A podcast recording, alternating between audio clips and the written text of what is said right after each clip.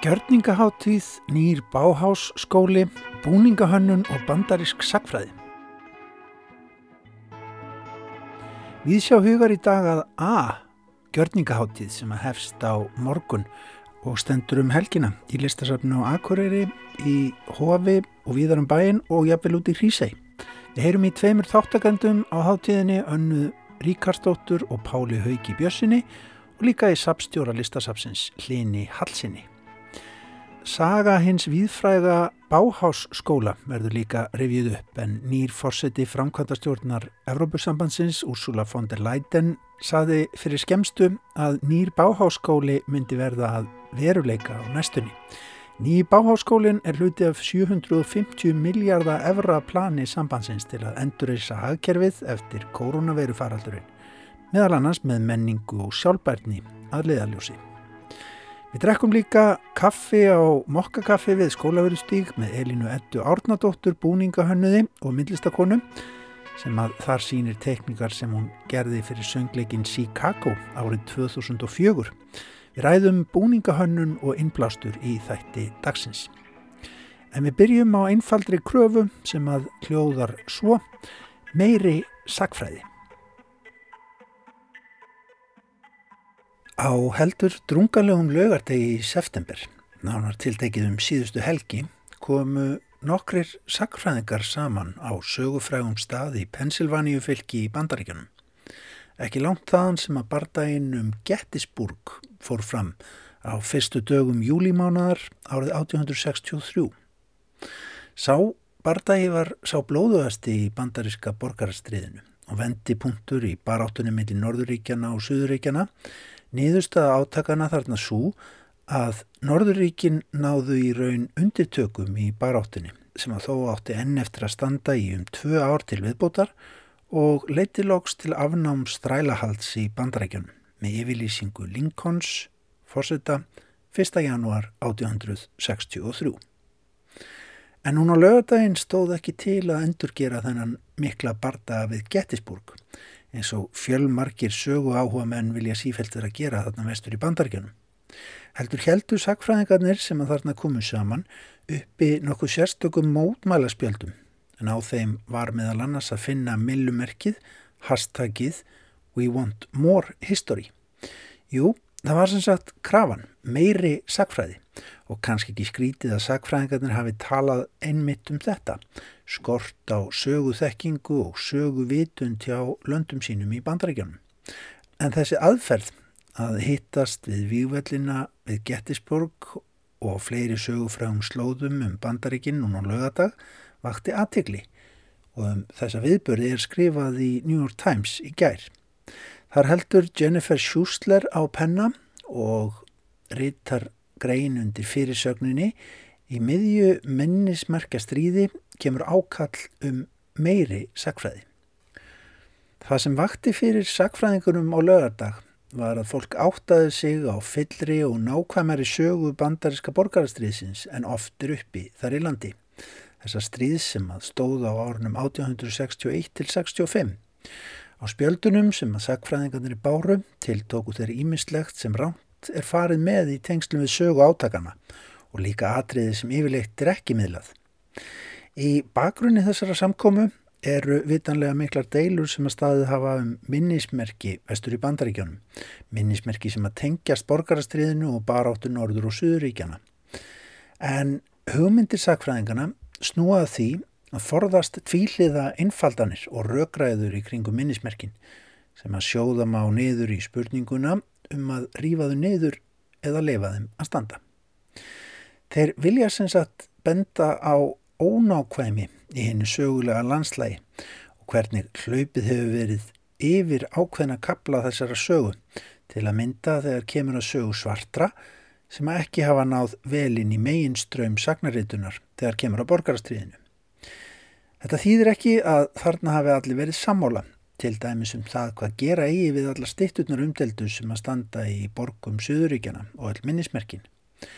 En deilurnar og umræðan hafa engan veginn snúist um einmitt það sem að sagfræðingar gera sem er að rannsaka og miðla meiri sögum. Þetta er haft eftir einum aðstandenda þessara sérstöku mótmæla sem að fóru friðsamlega fram. Sakfræðin hefur þannig orðið undir í tilfinningaumrótunu sem að minnismerkja deilunum hefur fyllt. En við Gettisborg, þar sem að New York Times fylgist með fundi sakfræðingana sem reyndar dreyðu sér víðar um sögufræða staði í bandarækjanum, eins og aðu saði, hafa líka farið fram annars konar fundir nýlega. Meðlimir herskára hópa, sjálfskeipara, borgaralegra varðsveita komu þar líka saman á þjóðháttíðadaginn 4. júli síðastliðin, gráir fyrir játnum til að verjast yfirvofandi innrás svo kallara antífa hópa sem áttu helst af öllu að vilja brenna fána þar. Í ljós komaðum falskar sögursagnir var að ræða af Twitter og dagurinn fór friðsanlega fram við gamla vývöldin. New York Times bendi líka á að bandaríkjafósiti hafi gert söguna að einhverju leiti að kostningamáli fyrir kostningata núna í nógumber. Hann hafi til dæmis kallað eftir þjóð hollri mentun sem að fór skiljanlega öfugt ofan í marga fræðimenn sem vilja jú slá skjaldborgum akademist frelsi. Sakfræðingarnir sem hittust á lögardag vilja frekar leggja áherslu á vandaða sakfræði og mikilvægi hennar. Rattir fortíðar sem að þar komi fram þurfi að vera fleiri og fjölbrettari.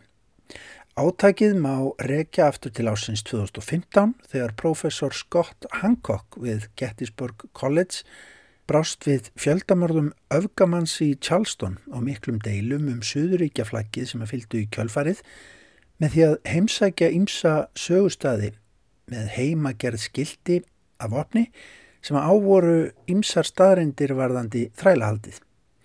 Í kjölfarið tók hann síðan til við að rannsaka Suðuríkjafánan sem takk kvítra augamanna og professor Hancock fór líka að Gettisburg výgvellinum 4. júli síðastliðin til að ræða við vopnaða sjálfskeipaða varðmenn sannleikans þar.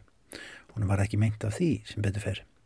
Eitt af því sem að Hancock finnst ábótavant á stað eins og Gettisburg er hver ósýnilegt þrælahaldið er í þeim minnismerkjum sem að þar eru og þeim upplýsingum sem þar er miðlað. Engin leið sé að tala um borgarastriðið án þess að benda á hver miðlægt þrælahaldið var í stríðinu.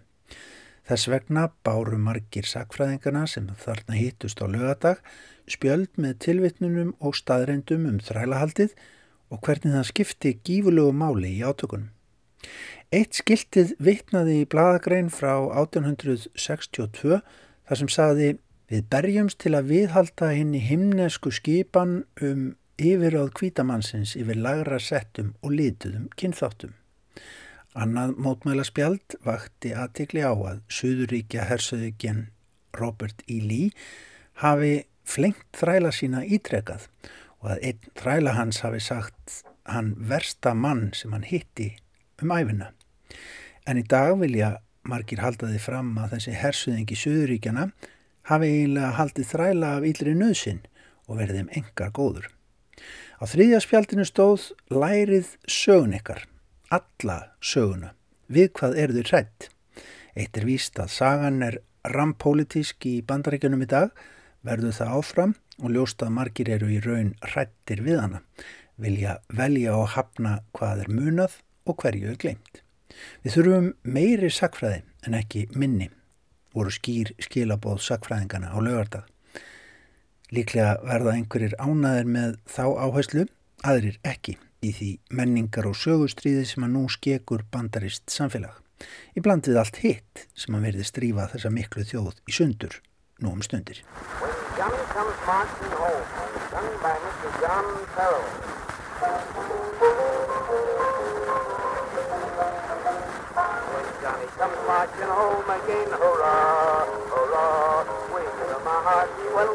Hurrah, hurrah. The men will cheer and the ladies they will all turn out, all feel gay when Johnny comes marching home.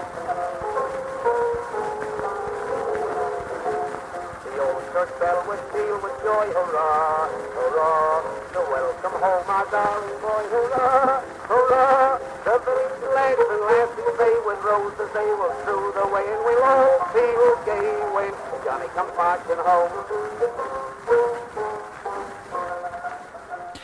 Brakandi forn upptaka af When Johnny Comes Marching Home vinsælu lægi úr bandariska borgarastriðinu sem írsk bandariskur hljómsutastjóri Patrick Gilmore ávist heiðurinn af.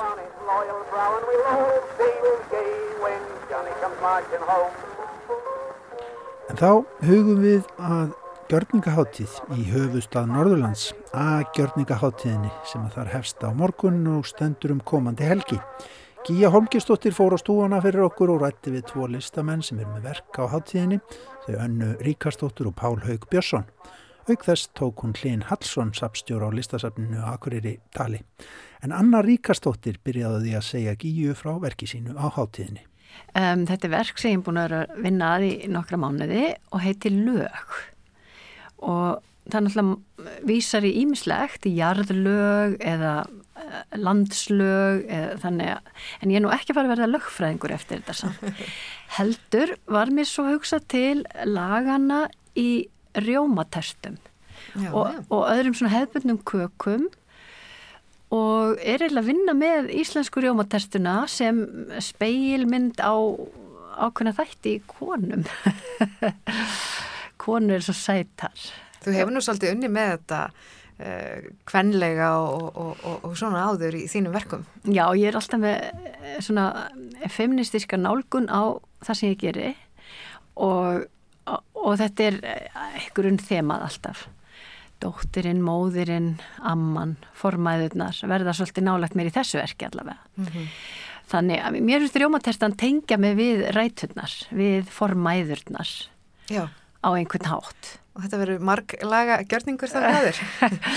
Já, hann er í nýju lögum, gjörningurinn og sonur minn, hann Áki Frostason, hann semur tónlistina að hluta til í verkinu og það er rosalega mann. Já, hvernig er að vinna með síni sínum? Hann uh, þekki mig svo vel og það gengur svo vel og hann semur svo fallega tónlist, hann bara veit hvað ég vil og það gengur mjög átaka löst, algjörlega átaka löst. Þetta er mjög, það er mikil uppskera að vinna svona með börnunum sínum og alltaf bara gaman hvort sem það barni ekki að vinna fallega með fólki í svona sköpun. Bara dásanlegt Já, verki verður sett upp eða framkvæmt í Hrísi Já. Er það ekki? Jú. Jú. í Sæborg í Rýsei. Já. Myndu taka eitthvað staðinn inn eða hvernig? Já, hvernig ég hef svolítið verið að bara svona rölda um og hitta fólki, er búin að fljóta að kynnast fólki og sögur frá Rýsei og svona stemningi þar rennur alveg öruglega inn í verkið. Dótti mín hefur svolítið verið að koma að þessu með mig líka, hún er dansari og hún gerði myndband sem er í verkinu sem tengist mikið tertum og og þannig störfum, já. Og það, það er, er dásanlegt þannig að við erum stelpunna búin að vera þarna og hann samti verkið svona minn líka út í eigu þannig að eigan hefur alveg öruglega áhrif og eigan er í tónlistinni líka. Já, já. Takk fyrir þetta. Gangið er vel með eh, verkið lög. Hjartans takkir Já, þetta er sjötta sinn sem að aðgjörningaháttið er haldinn og hún hefur auðvitað verið að breytast og þróast bara í eh, gegnum árin, svona mismunandi samstarfsaðilar, en í grunninn er þetta sérstætt eh, listasafnið á Akureyri og leikfélag Akureyrar eða, eða menningafélag Akureyrar sem að, að halda utanum þetta, en það koma líka að þarna eins og gilfélagið og uh, verkmentaskólinn og, og uh, í upphafi var það uh, lokal leiklistrátinni Reykjavík sem var svona stórþáttur í, í í þessu skiplagningunni hjá okkur. En þetta er sem sagt fjögur að daga uh, gjörningaháttíð. Það sem að eru bæði, sem sagt, uh, það eru myndlistamenn, það eru dansarar, það eru uh, sviðslistafólk, leikarar sem, sem að hérna taka þátt. Og í annað skiptið núna hafðu við þann háttin á að, að, hérna, að fólk átt sóttum að taka þátt. Það er svona open call og við fengum alveg helling af fínum umsóknum og, og hérna völdum auðvitað uh, úr því bara örfáa því að þetta er ekki, þetta er ekki risastór hátíð, hún er, hún er bara svona frekar lítill og krútleg og, og síðan auðvitað bjóðum við líka nokkurum uh, uh, listamönnum bara beint.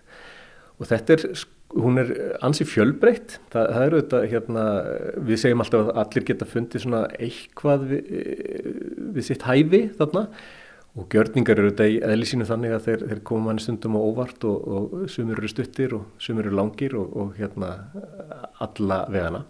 Og það er alltaf skemmtilegt að e, staðirnir eru e, mismunandi, við erum með nokkra svona staði og flestir þeirra eru í göngu færi þannig að við skiplegjum hátíðina þannig að maður getur lappað á milli staða e, eða fengið sér kaffibotla á milli og maður ætti svona ná svona allan upphafinu af, af hérna öllum gjörningunum. Þannig að áhörvendur, því þeir geta svona þrætt einhvers konar leið eða farið á flesta gjörningana en, en, en svona þurfa stundum að velja hvort er allast aldra lingu við eða, eða skemur. Já, akkurat og við skrifum eins og sko í dagskrana svona, svona cirka lengdina á gjörningunum þannig að fólk getur svona aðeins átt að segja á því áðan að það kemur, stilt sig inn á hversu, hversu hérna, lengi þeir eru en annars eru flestir þannig að, að hérna, maður getur komið á farið og, og, og, hérna, og komið aftur og svo frammeins. Í ár er, er svona kannski pínu óveinlegt að það eru tveir af, af hérna gjörningunum eru út í Hrísei sem er vissulega hluti af, af Akureyri en, en svona smá uh, ferju ferð að, að, að fara þanga þetta er nú bara uh, skemmtilegt og það er annars er hún uh, Anna Ríkastóttir sem er í Sæborg með, með gjörning um, á förstaskvöldið og síðan er það hún Eija sem er, er hérna svona já, gjörningu sem hefst eila bara í hrísegar ferjunni þegar á leiðin út í, út í eigu. Já, og svo má minnast á það að, að Vítiðalistaháttíðin heim sem hefur alltaf fyllt uh, að gjörningaháttíð verður dalti óvinnilega þessu sinni vegna þess að uh, hún Arna Valstóttir sem að stendur fyrir henni uh, hún ætlar ekki að bjóða gestum heim til sín eins og undan farin um, fimm ár heldur uh, allar hann að streyma uh, verkum og viðburðum úr íbúðinni sinni. Þannig að já, þá getur bara fólk fylgst með heima í, í stofu eða, eða hvað sem er. Og það, það eru þá þau erfin fandir verfi og hún Þóra Solveig Bergsteinsdóttir sem að hérna verða bara í beitni þá í, frá vanabíðinni það er svona nýrvingill á, á hérna á A og, og, og, vissulega í, í bara viðbræð við aðstæðum. Já. En opnar það hátíðina svolítið upp þannig að, að hérna, eru fyrir víða? Já, þá geta bara fleiri fylst með, einhvers alveg sama hvort maður sé í, í Hong Kong eða Færiðum. Og fyrir bæjarsamfélagi eins og Akureyri að fá svona alþjóðlega gjörningahátíð inn, þetta lítur að já, hleypa svolítið lífi í, í bæin? Já, algjörlega. Mjög uh, skemmtileg stemning sem, a, sem að myndast og, og hérna og ég held að sumir sko uppgötti bara eh, svona að, það að stíga yfir þröskuldin og þóra að fara á gjörning og eru bara svona heiminn lifandi hvað, hvað þetta getur verið hérna spennandi og, og, og skemmtilegt og öðruvísi.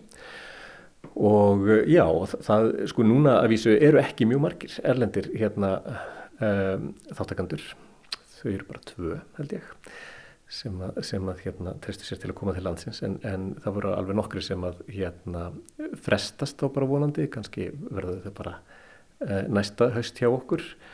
Eh, en það var bara út af ástandinu í, í heiminum sem, að, sem að við þurftum aðeins að, hérna, að breyta, breyta plunum. En það, þannig er nú líka gjörningar, þeir eru, nefnilega, er, þeir eru alltaf að, hérna, breytast og maður veit aldrei alveg hva, hvað gerist og margt ófyrir sjáanlegt sem, sem að kemur inn. Og alveg eins og núna við vitum ekki alveg veist, hérna, hvernig ástandi verður á, á fymtudaginn þegar þetta, hérna, þetta byrjar. Já, akkurát. Þannig að þið bara verði í svona smá gjörning við að, að framkama þessa hátíð, þannig að þetta bara helst vel í hendur.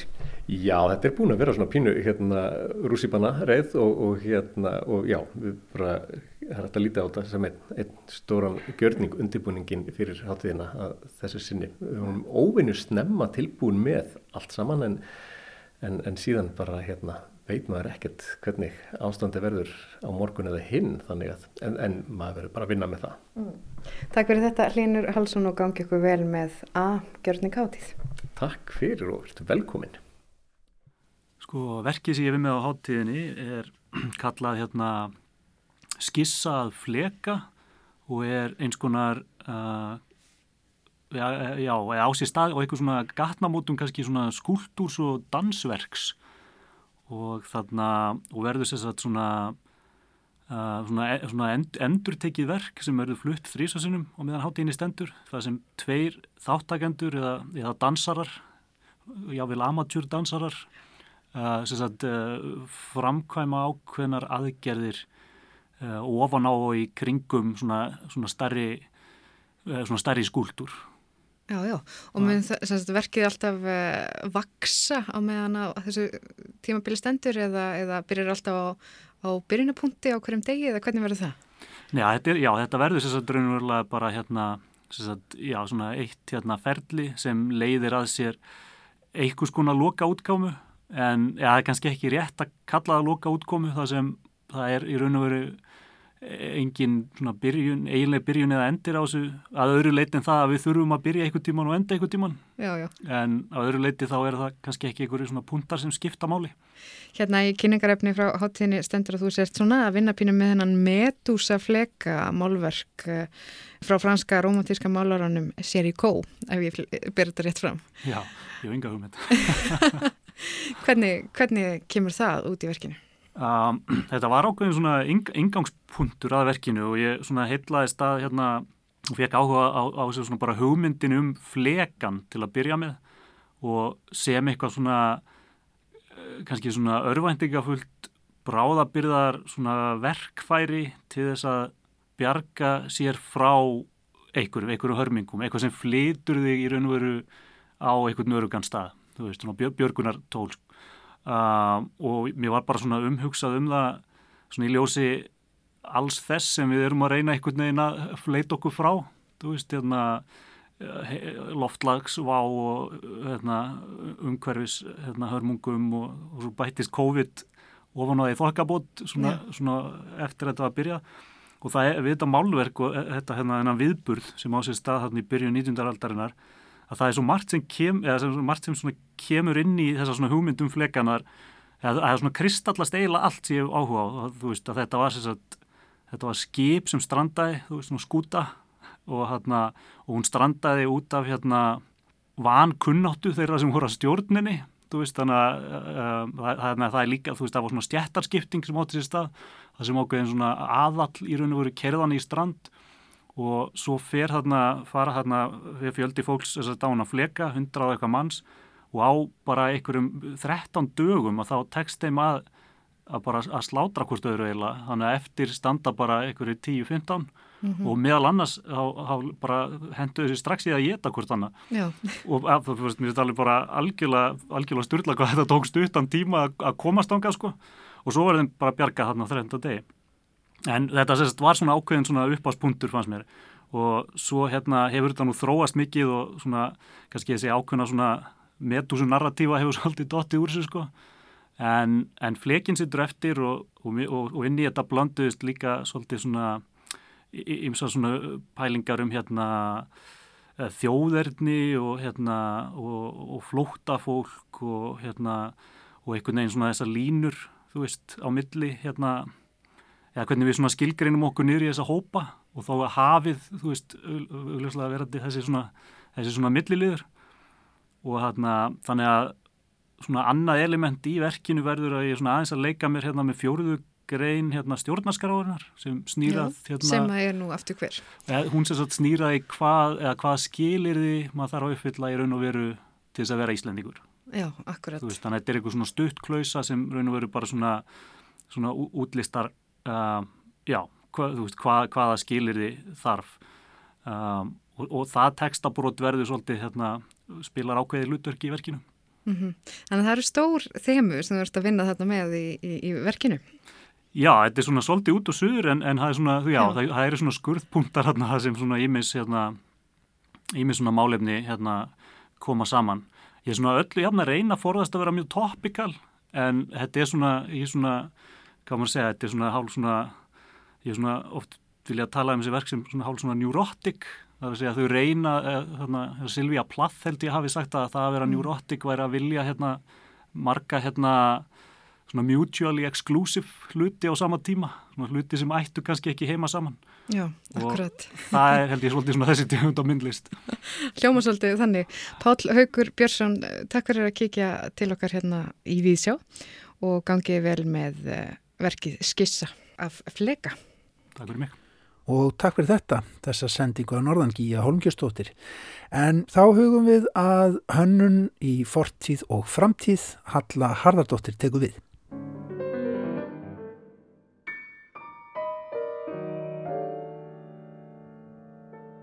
Notagildið mótar formið voru enkennisorð hins viðfræga og margrómaða báhásskóla. Það sem arkitektar, listamenn og hönnuðir mótuðu í saminningu þá fagurfræði sem að síðar var kend við móternismann. Nú vil Úrsula von der Leyen, nýskipaður fórseti framkvæmdastjórnar Evrópusambandsins, horfa til hugmyndafræði Báháskólans við mótun nýrar fagurfræðilegar stefnu 21. aldarinnar, hvorki meirann í minna. Von der Leyen sagði í stefnuræði sinni þann 15. september síðastliðin að umhverfsváin sem við stöndum frammi fyrir í dag kalli á breytar áherslur í framleiðslu sem aftur kalli á nýja fagurfræði. Nýju skólinn verður hluti af 750 miljardar evra plani sambandsins í endurreist hagkerfisins eftir koronaveirufaraldurinn og liður í því að koma af stað umbreytingaferli í áttað sjálfbæri Evrópu. Skólinn á að vera grósku miðstöð þar sem að listamenn, vísendamenn og hugsuður munu koma saman til að skapa eitthvað alveg nýtt. Fondelægin vill leggja áherslu á menningu og sjálfbarni í endurreysninni eftir faraldurinn og sagði í því skyni nöðsynlegt að endur hugsa hvernig við komum fram við náttúruna, hvernig við framleiðum og neytum, búum og störfum, borðum og ferðumst á milli staða. Það er í meira lagi áhugavert að framkvæmda stjórn Evrópusambandsins skuli leggja svo mikla áherslu á arkitektúr og hönnun. Þó það geti kannski reynst erfitt að ímynda sér að hægt sé að móta fagurfræði á skipulaðan hátt að hægt sé að hóa saman listamönnum úr ólíkum áttum til að móta eitthvað alveg nýtt sem að byggir á framtíðarsín stjórnmálamanna. En von der Leyen grýpur slíkar yfirlýsingar að sjálfsögðu ekki úr lausu lofti. Hugmyndin um nýja Evrópska báháskólan er byggðuð að þörf fyrir nýjar aðferðir í framlegslu á vægast sagt miklum umbreytingar tímum, rétt eins og í tilfelli upprunnulega báháskólans sem var stopnaður árið 1919 í Væmar í Þýskalandi. Í skólanum sáttu nokkrir af merkustu listamönnum síðustu aldar, nöfnaborðið Pól Klee, Vasili Kandinsky, Marcel Brauer, Mísvandur Ró, Walter Gropius og Jósef og Anni Alberts eru flestum kunn. Þessi hópur fólk sem að livði og hræðist innan veggja skólans á árunum 1919 til 1933 stóð á tímamótum og horfið fram á miklar samfélagslegar og efnahagslegar breytingar líkt og við gerum í dag. Á sama tíma á Þýskaland var að takast á við afleggingar fyrir heimstyrjaldarinnar, efnahagslega, samfélagslega og hugmyndafræðilega, sprutu fram nýju og spennandi tækifæri í framlegslu með tilkomu nýrar tækni og nýra efna. Stál, steipa og ramagsnúrur voru allt í hennu spennandi kostur í hönnun og nýkynnslóð sá mikil tækifæri í fjöldaframlegslu. Allt í einu gatt góð hönnun verið öllum aðgengileg og góð hönnun átti svo sannarlega að ná til allra því góð hönnun gat gert heiminn að betri stað. Góð hönnun gerði lífið heilsusamleira, einfaldara, betra og síðast en ekki síst fallegra. Gott dæmi um slíka hönnun sem er í senn úr nýstarlegum efnum þess tíma, falleg, þægileg og almóanum aðgengileg er stólinn sem ég sitt á, ekki í þessum töluðu orðum heldur á meðan ég reyta þau. Þetta er stól sem ég fann á 2000 krónur í góða herðinum þrátt verið að vera hannaður árið 1928 í Báhás af einum merkasta arkitekt 20. aldarinnar. En meira á honum aðeins síðar. Ríðum fyrst östutt upp sögu þessa stórmerkilega skóla sem gata af sér alla þessa listamenn, hönnuði og arkitekta og sem hægt er að kalla fyrsta alvöru hönnunarskólan.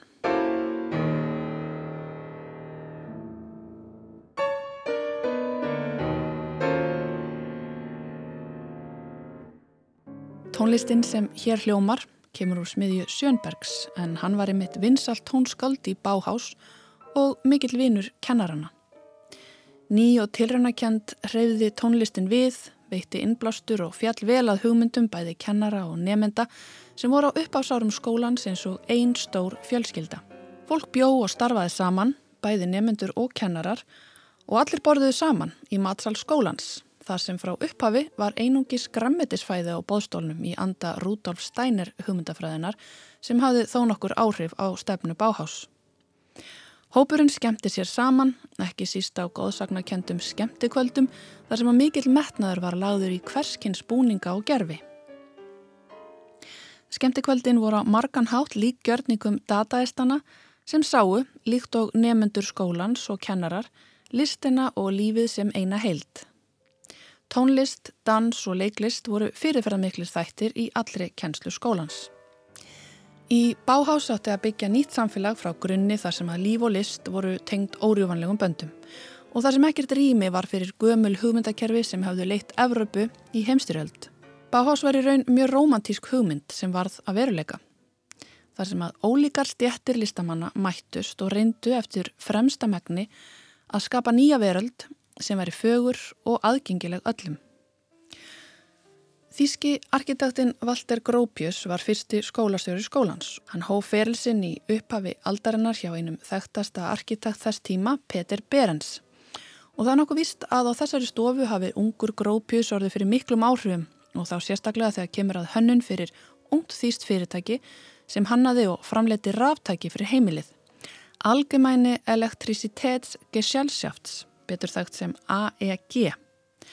Höfustöðar AEG sem á innanstokksmunir, ljós og hinn ímsu ramagstæki sem að fyrirtækið framleiti kom úr smiðju Berens stofunar en í þessum verkum fer einmitt saman gott handverk og ný tækni.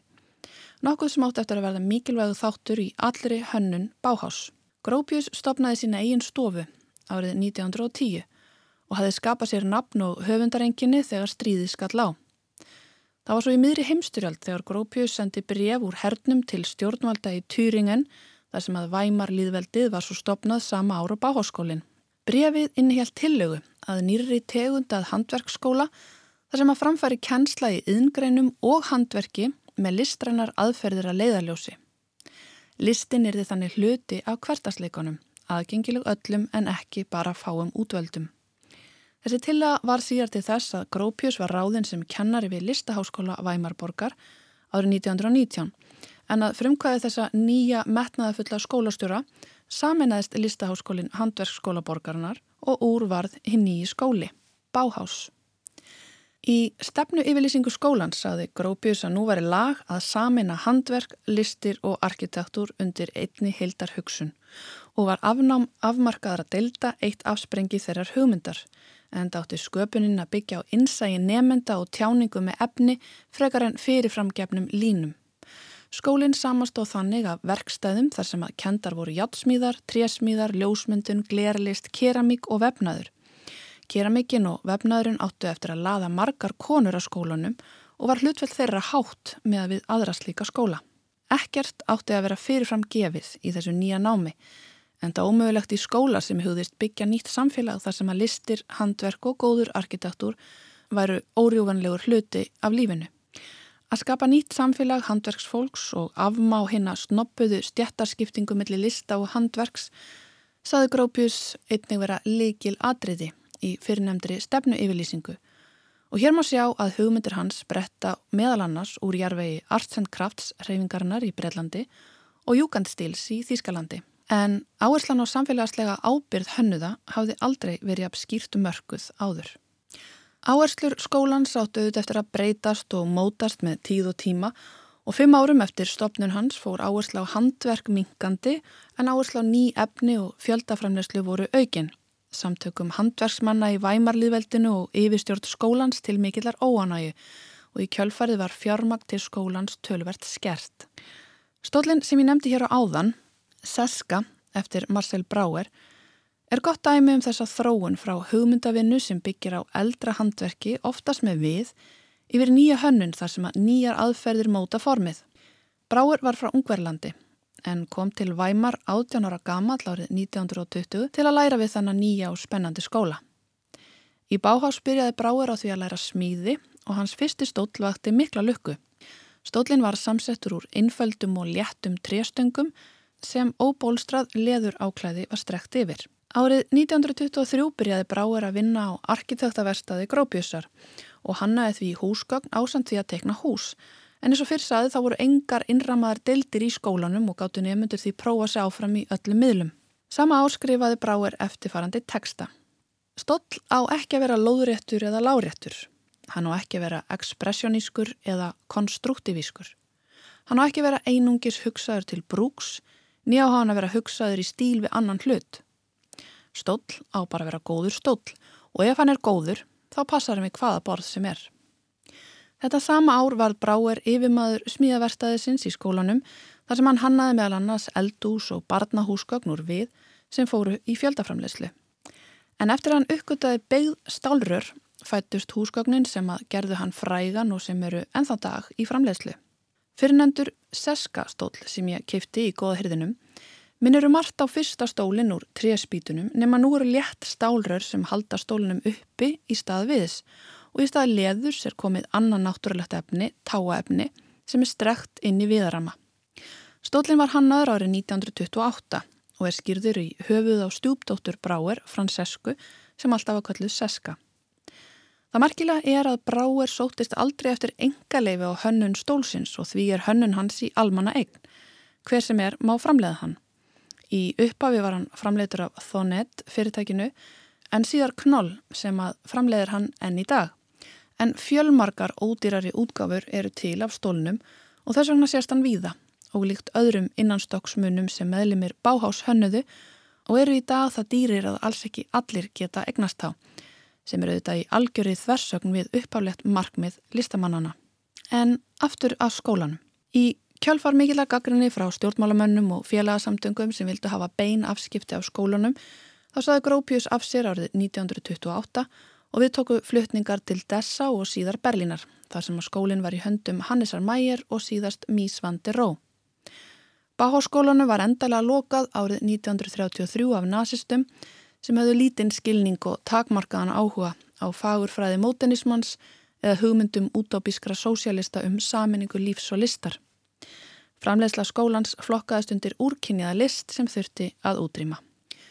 Grópius, Mísvandi Ró og fjölmarkir kennarar og fyrrum nemyndur flúðu uppgang nazismans til bandarækjana þar sem að arfleð skólans átti eftir að blómstra og geta af sér mótenískan arkitektur eins og við þekkjum hann í dag, augmyndlistar, húsgagna og kennslaðaferða sem að enn lifa góðu lífi. Það verður áhugavert að fylgjast með hugmyndum fandi lægin mótast og hvort þar verði að veruleika. Það hljóta að minnstakosti flestir að vera sammála um að breytinga er þörf. Notagildið mótaði formið í upphafi aldarinnar og dreifkrafturinn voru þau tækifæri sem að ódýr efni og fjöldaframlegsla bauð upp á. Nú, hundrað árum síðar, er dreifkrafturinn á bakvið formið ekki þau tækifæri sem að fjöldaframlegsla býður upp á, heldur þær áskorunir sem að offramlegsla liðinar aldar hefur leitt af sér. Við erum auðvitað löngu komin að þólmörkum hvað framlegslu varðar og ánægilegt að fólki við stjórnvölinn skuli vera ávarpa þá staðrind. Það fælst eitthvað bjart sín í því að vilja leggja línur hvað hönnun og framleiðslu varðar og jafn framústefnilegur og umbreytandi skóli og báhás var er ekki fyrirmynd að verðendanum. Auk þess að hafa lagt línutnar hvað fagurfræði síðustu aldar varðar í hönnun þá var aðferðafræði skólans humanísk og líðræðislegi allir sinni nálgun, innihaldsefni sem getur komið að góðum nótum í heimi farsóta og láslagsbreytinga.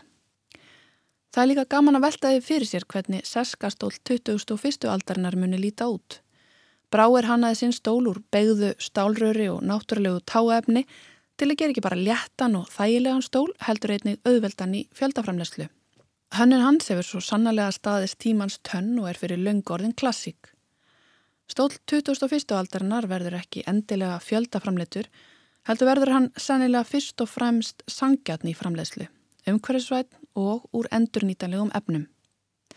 Stól 2001. aldarinnar verður ekki endilega fjöldaframleitur, heldur verður hann sannilega fyrst og fremst sangjarn í framleiðslu, umhverfisvætt og úr endurnýtanlegum efnum. Við vitum ekki enn hvernig stólinn lítur út, en við vitum að formið mun mótast af þessum leikreglum.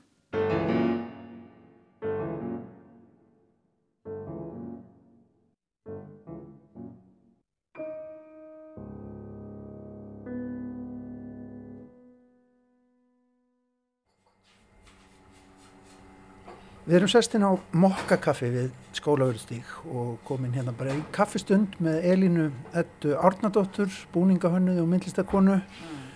Elin Edda, þú ert hér með síningu sem að kalla Catwalk Já.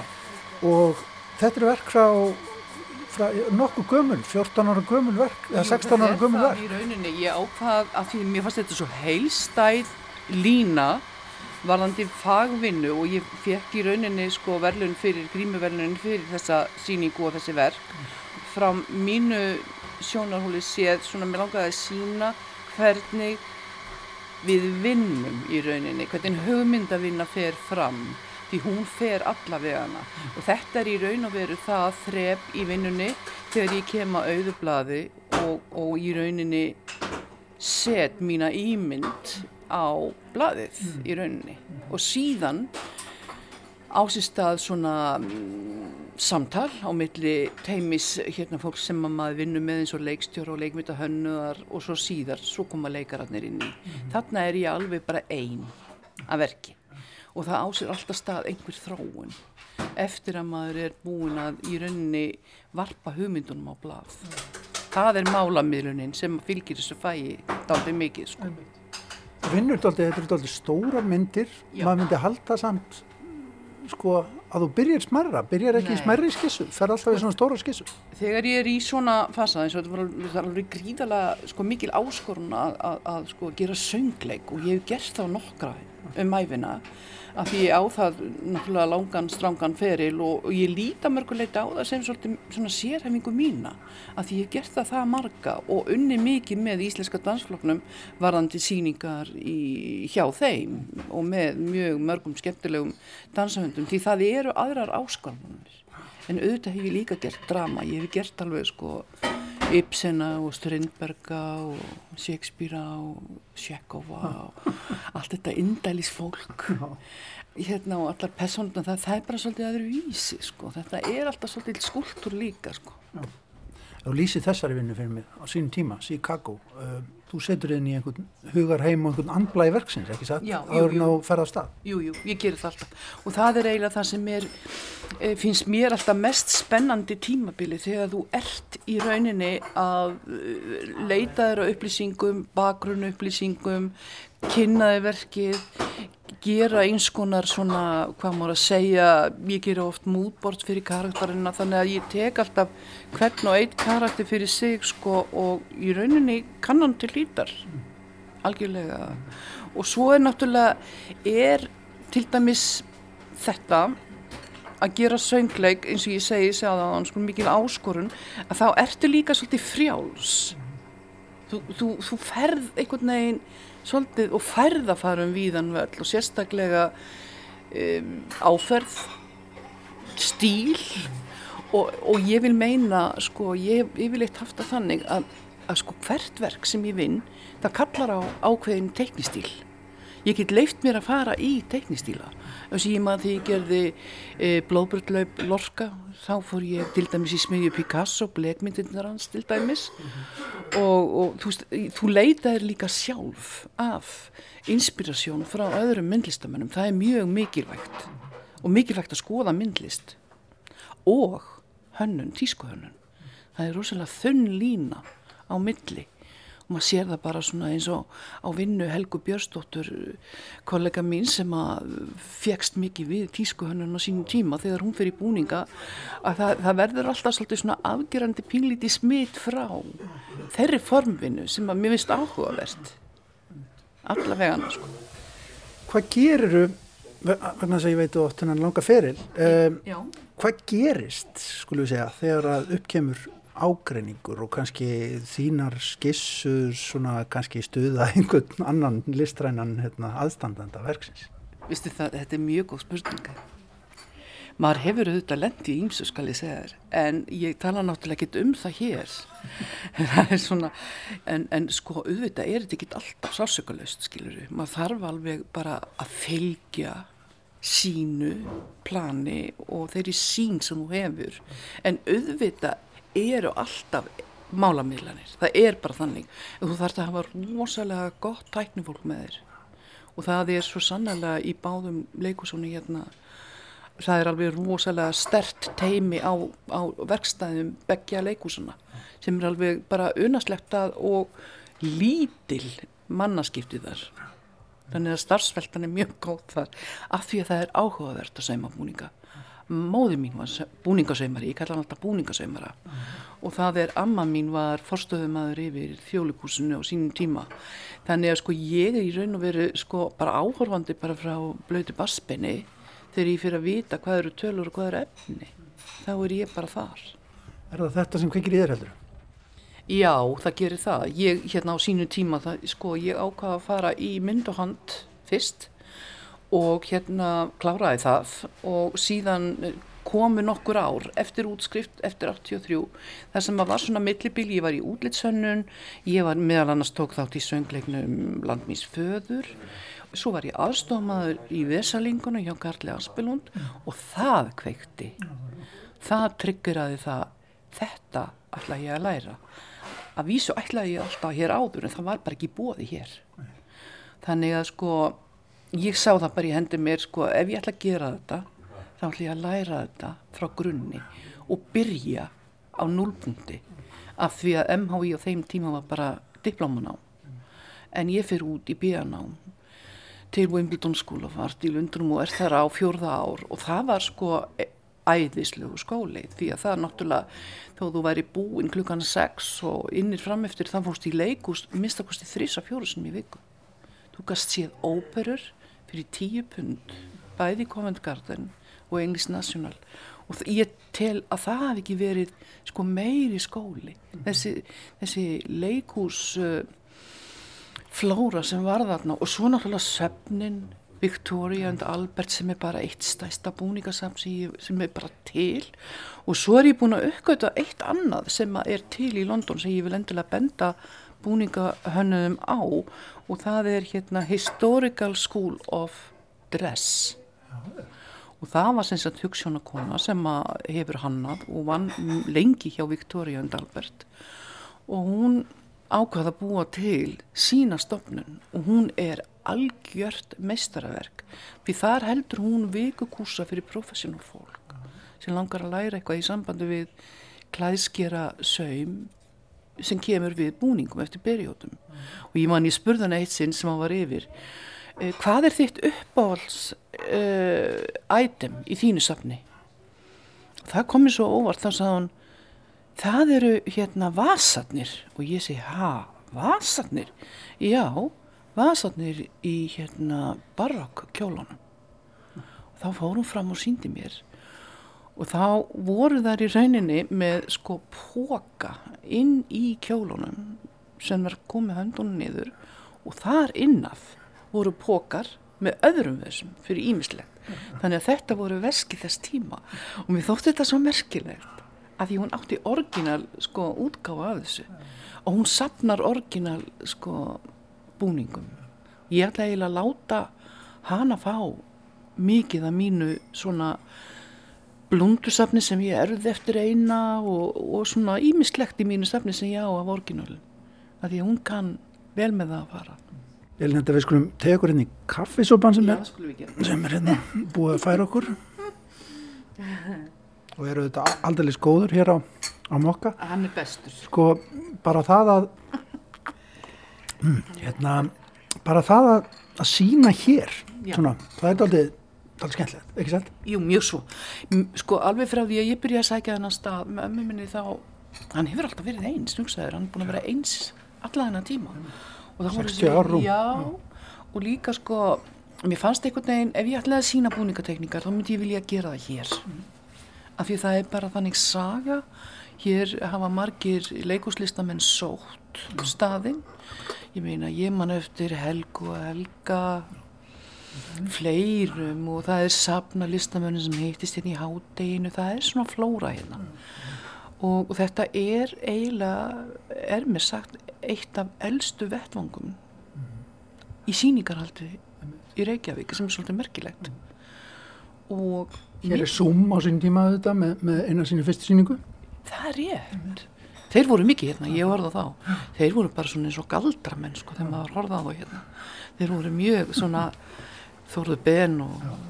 þessir menn sko, þeir náttúrulega þá voru þeir í performance listinni sko og ég hef í raun og veru alltaf fylgst eh, reyna að fylgjast mjög vel með því sem er að gerast í myndlist í dag sko. En sko ef við hugsaum kannski aftur um, um búningahönnun uh, fyrir okkur sem að já, ég fer bara og, og kaup með peysu svona, einn svona ári þannig að ég hugsa ekki mikið Já, hún er ekki hvaða peysu peysu sem er þetta sjómanapeysa Alveg fallið peysa Nei, en, en hugsa kannski ekki mikið um farnað, skiljuru Þannig að svo þegar við svona venjulega fólkið komum á leiksýningu, heldur við gleymum hlut, öllum þessum litlu hlutverkum stundum eins og til dæmis búninga hönd. Áttu þá við, meinaru díteilum? Já, já, og líka bara höfum svona næmni á að, að skilja í hverju þetta fælst. Sko ég held í rauninni, ef þú tekur ekki neitt sérstaklega eftir búningnum á leikaranum, þá er hann réttur. Já. Það er nú til dæmis eitt komment. En sko það er það sem maður, maður líka reynir að forðast, að það er að hafa uh, búningana svona utan á liggjandi. Þeir verða að vera partur af karakternum. Já þannig að það er þetta kollás sem er mjög og þessi samrunni sem er mjög mikilvægur en svo náttúrulega ef þú ert sko, að gera perjódu það er allt annað en ef þú ert að gera það sem ég kalla dagstaglega þá þarf þetta að fara svolítið í samtal sko við bara það sem þú sérð á gödunni og, og þú pælir alveg í því alla dag og sérstaklega þú ert í verkefni þá ertu mjög meðvitaður um bara þú horfir á fólk, þú ferð á staði og þú skátar svolítið. En ef við hugsaum um það sem við sjáum hérna vegginum sem eru, sem eru náttúrulega tek, tekníkar sem þú vinnur áður og ferð inn í samstarfið sem slíkt, inn í leikúsið, er þetta nálagt því sem varð síðan? Sumt, sumt varða. Til dæmis þú getur séð hér fyrir aftandi, hér er tekník með sko, þetta eru fjæðrir mm. og þetta voru, eru fjæðra vangir sem geta mynda pils og það var eftir og til dæmis herramadurinn þarna í svörstu föttunum með, með skinnkragan, hann er þar Já. og þannig að sko þú... margt gengur upp en, en síðan Já. tekur hann að breytingum Já. Já, og líka það að áður en ég mæti til leiks þá er ég búin að viða að mér efnum. Í þessu tilfelli þá fór ég út í lönduna og kefti ótrúlega mikið af bæði fylgjilöndum skóm, sokkum og því sem fæst ekki hérna. Og fjæðrir og guðmá vita hvað.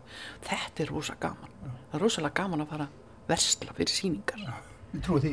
Já, en mér finnst ekki sérstaklega gaman sko að versla fyrir utan það. Þú veist, það er svannamál. En bara ég segi takk kærlega fyrir að drekka með mig kaffi morgunsórið Elín Etta Ornadóttir gaman að spjalla við þér. Mín var ánægjan að fá þig að líska guðnum minn, takk fyrir. Þessu